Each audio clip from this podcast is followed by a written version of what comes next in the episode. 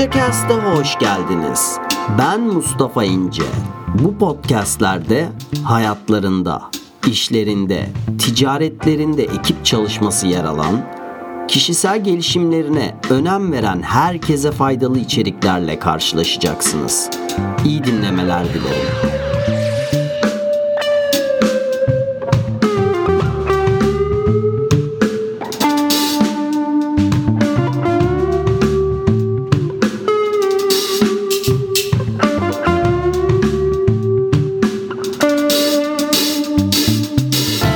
Podcast'e tekrar hoş geldiniz arkadaşlar. Yeni bir bölümle, yeni bir podcast'te tekrar birlikteyiz. Biliyorum iki hafta oldu. Umarım yayınımı özlediniz. Ee, ev taşıma muhabbetleri vesaire vardı ve eğer ki podcastlerimi dinlediyseniz zaten dağınık ortamda çok üretken olamıyorum ben. Ee, bir de mikrofon çok hassas, sesleri kayıt alıyor.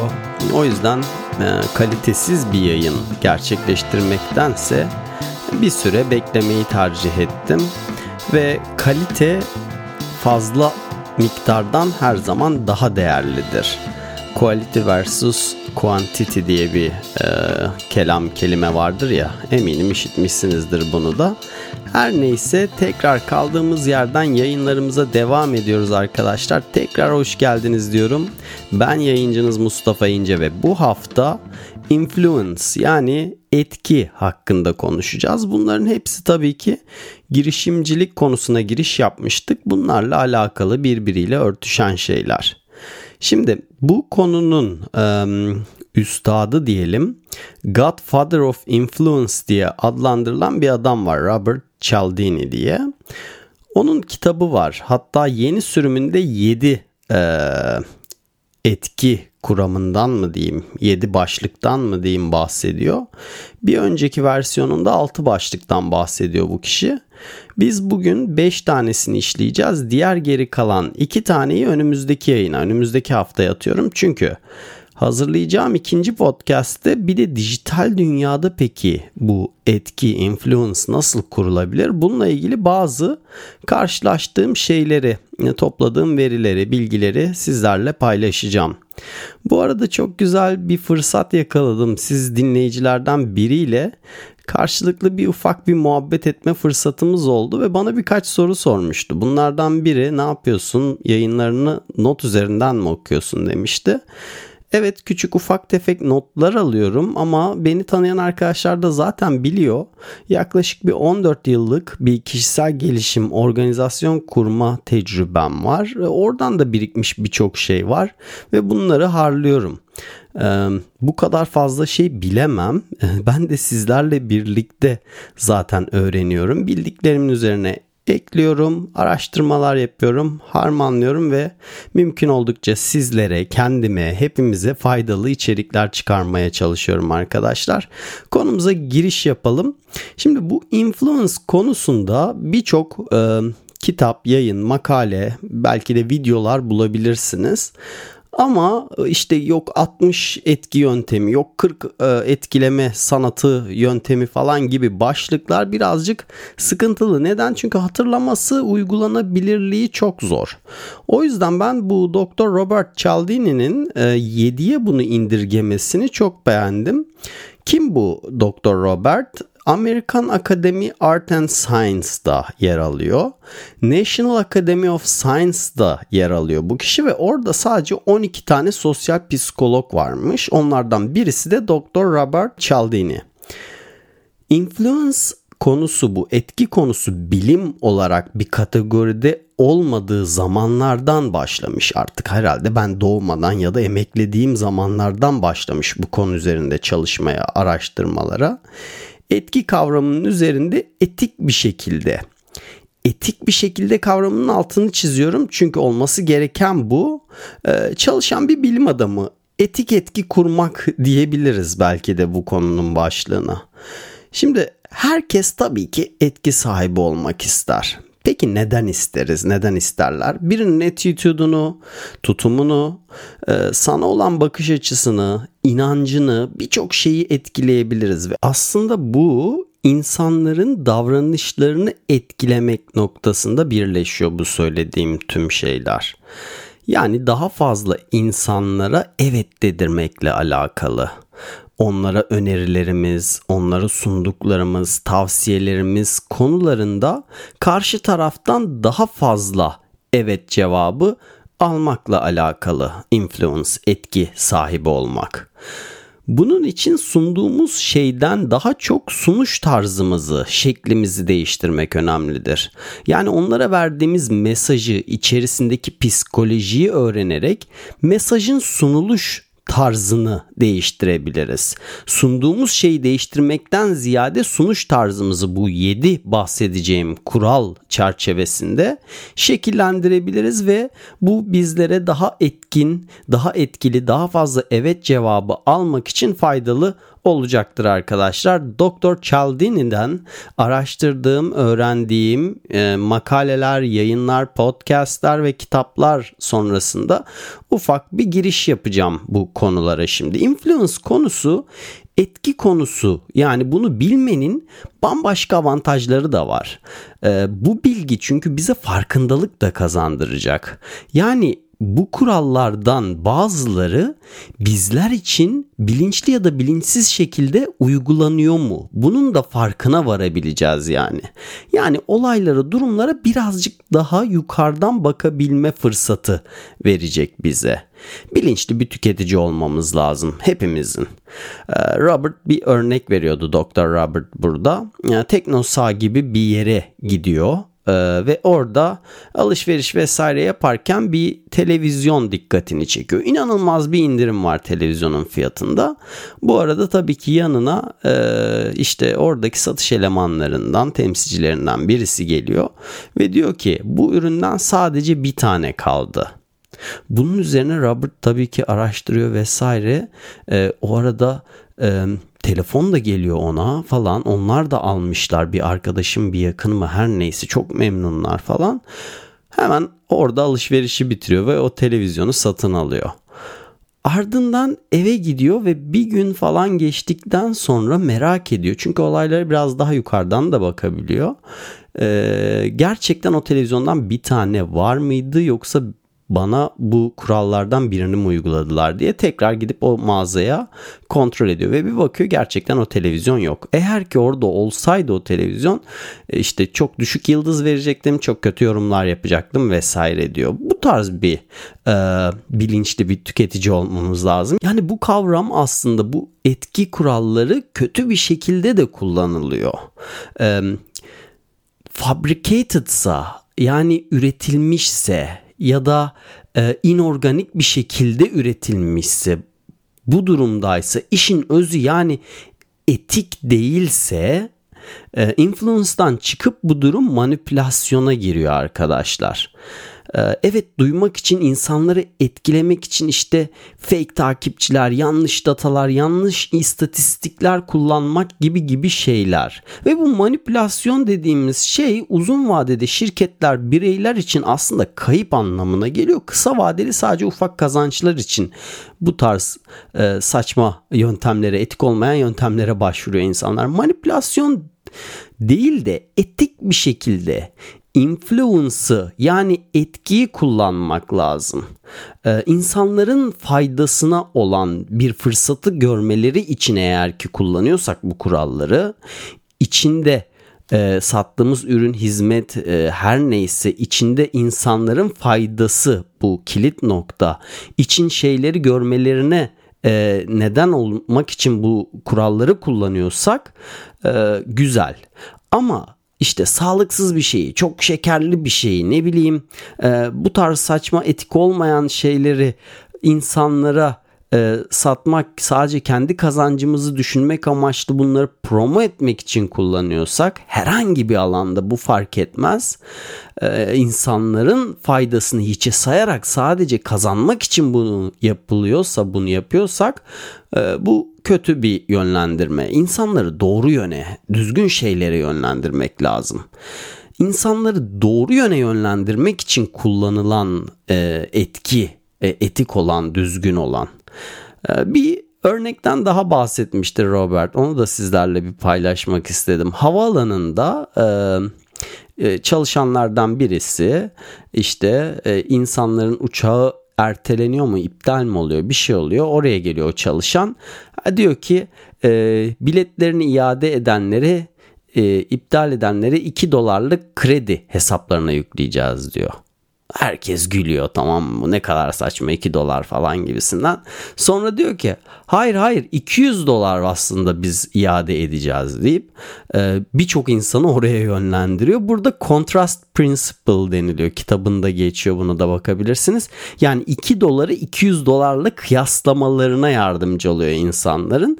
E, ve sonrasında o kişiyle konuşuyor Robert diyor ki bunu bilinçli bir şekilde mi yaptın eğitimlerinde mi vardı falan gibisinden. Yo diyor bu sadece bende olan bir şey. Öncelikli olarak insanların dikkatini çekmek lazım falan gibi e, yorumlarını, düşüncelerini bahsediyor e, Robert'e. Yani bu kontrast principle ile alakalı, karşılaştırma ile alakalı. Neyse biz konumuza geçelim. Benim bahsedeceğim ilk 5, e, sonra diğer 2 konuyu da 2 başlığı da önümüzdeki hafta işleyeceğiz. Birincisi karşılıklı olma. Tüm insan kültürlerinde olan bir durum bu. Yani bize bir şeyler veren insanlara biz geri bir şeyler vermek isteriz. Ee, özellikle hani bizim kültürümüzde boş tabağa geri vermemek vardır ya ne bileyim helvadır, aşuredir falan böyle komşular getirir de sen onu kesinlikle boş vermemek için bir şeyler içerisine koyarsın ya. Ee, hatta daha geçen gün yaşadım ben. Ee, annemin arkadaşlarından birinin işte aşı randevusunu alacaktık. Onlar yapamamış site atıyordu falan. Ben de denedim böyle bazı problemlerle karşılaşıyorduk. Uğraştım bayağı bir çözdüm randevuyu aldık. Ertesi gün böyle bahçesinde balkonda yetiştirdiği böyle organik şeyler falan varmış. Onlardan sana getireceğim falan diyordu böyle. Yani böyle insan olarak biz gerçekten bize bir şeyler veren, bir şeyler katan kişilere tekrar bir şeyler vermek isteriz.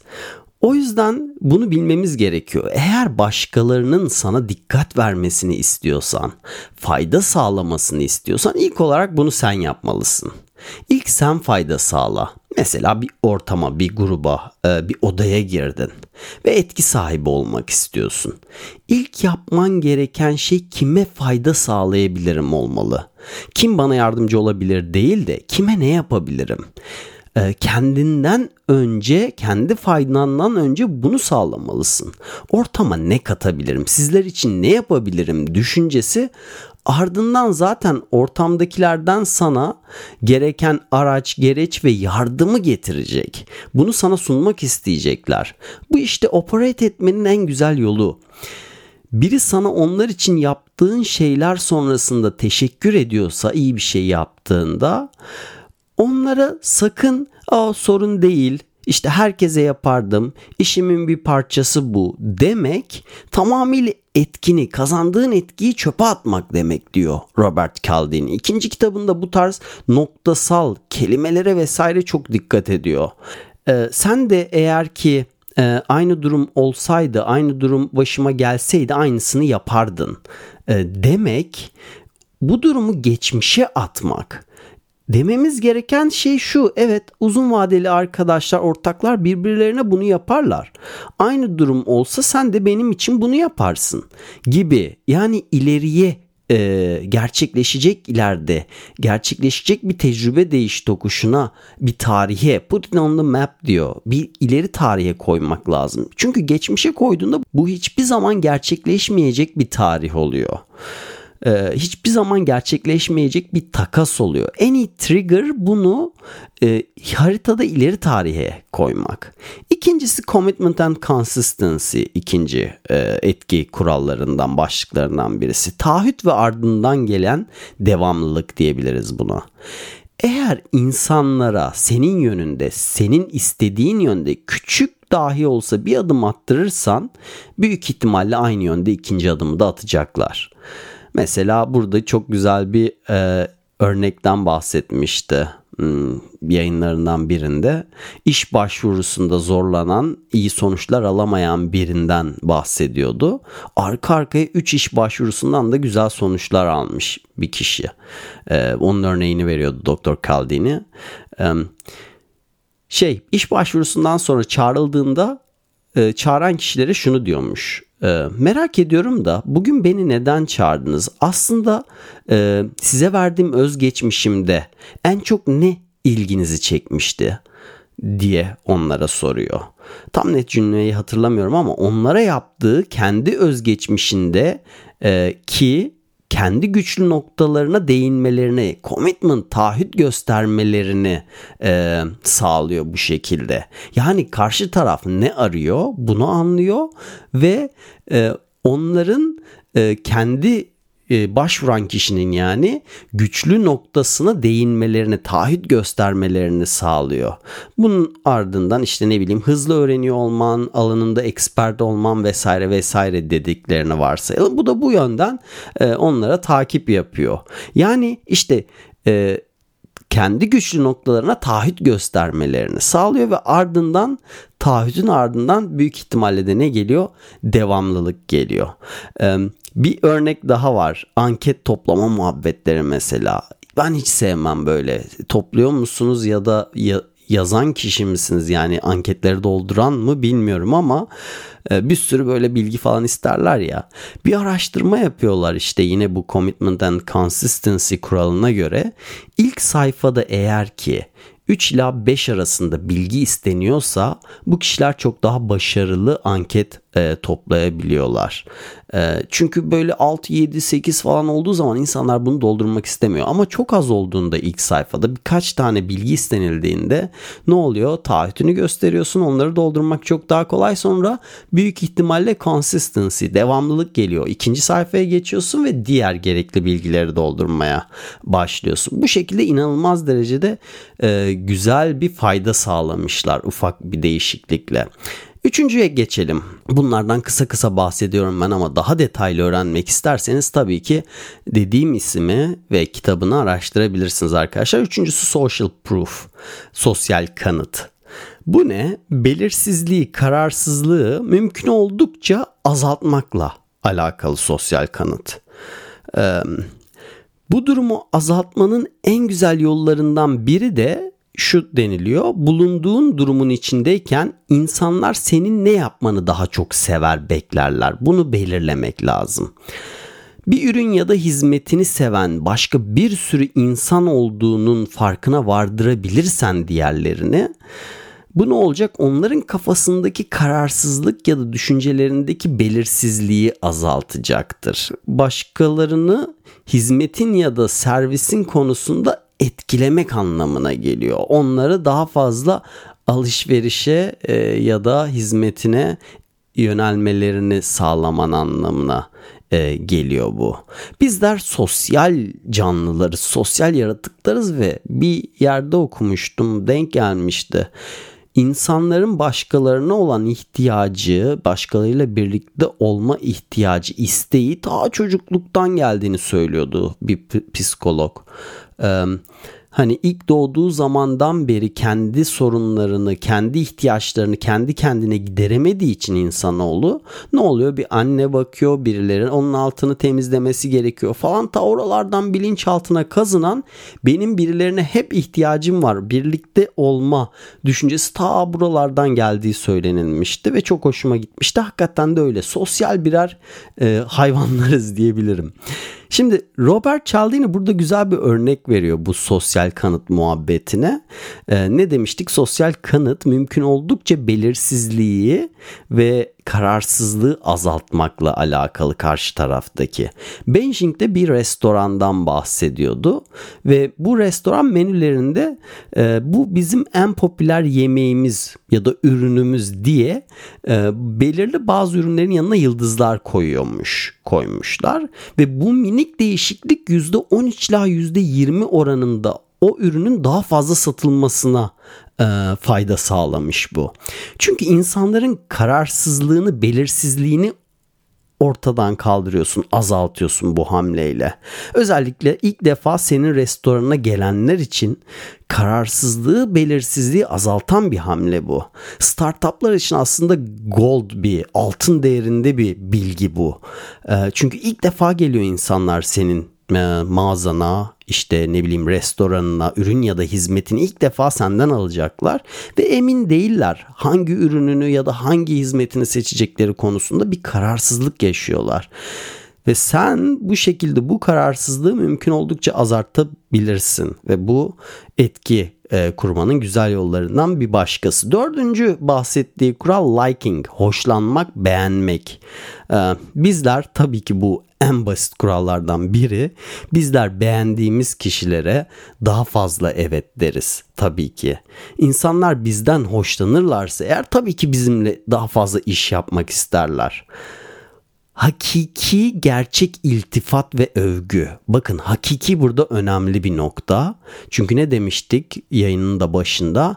Bunlar etik olmalı, dürüst olmalı, gerçek olmalı. Etik olması için e, fabricated olmaması lazım, üretilmiş e, olmaması lazım. Hakiki gerçek iltifat, övgü yapmak e, tabii ki insan ilişkilerini güçlendirecek bir şey iyi ilişki kurmakla alakalı bir şey. Birilerine, başkalarına dürüstçe işaret ettiğimiz, gösterdiğimiz benzerliklerimiz bunlardan biri ve diğeri başkaları hakkında iyi şeyler düşünüyorsan bırak bunu ağzından çıksın, sal çıksın ağzından dışarı. Manipüle için değil, dürüst bir şekilde, doğru bir şekilde bunu yapmak.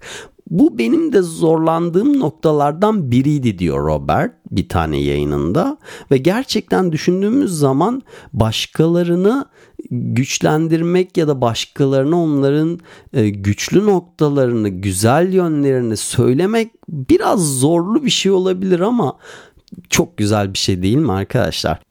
Testimonilerden bahsetmek gerekiyor bir de burada referanslardan özellikle ekspertler ya da uzmanların düşünsenize bizlerin ürün ya da hizmetlerinden bahsettiğini bu çok güzel bir şey değil mi?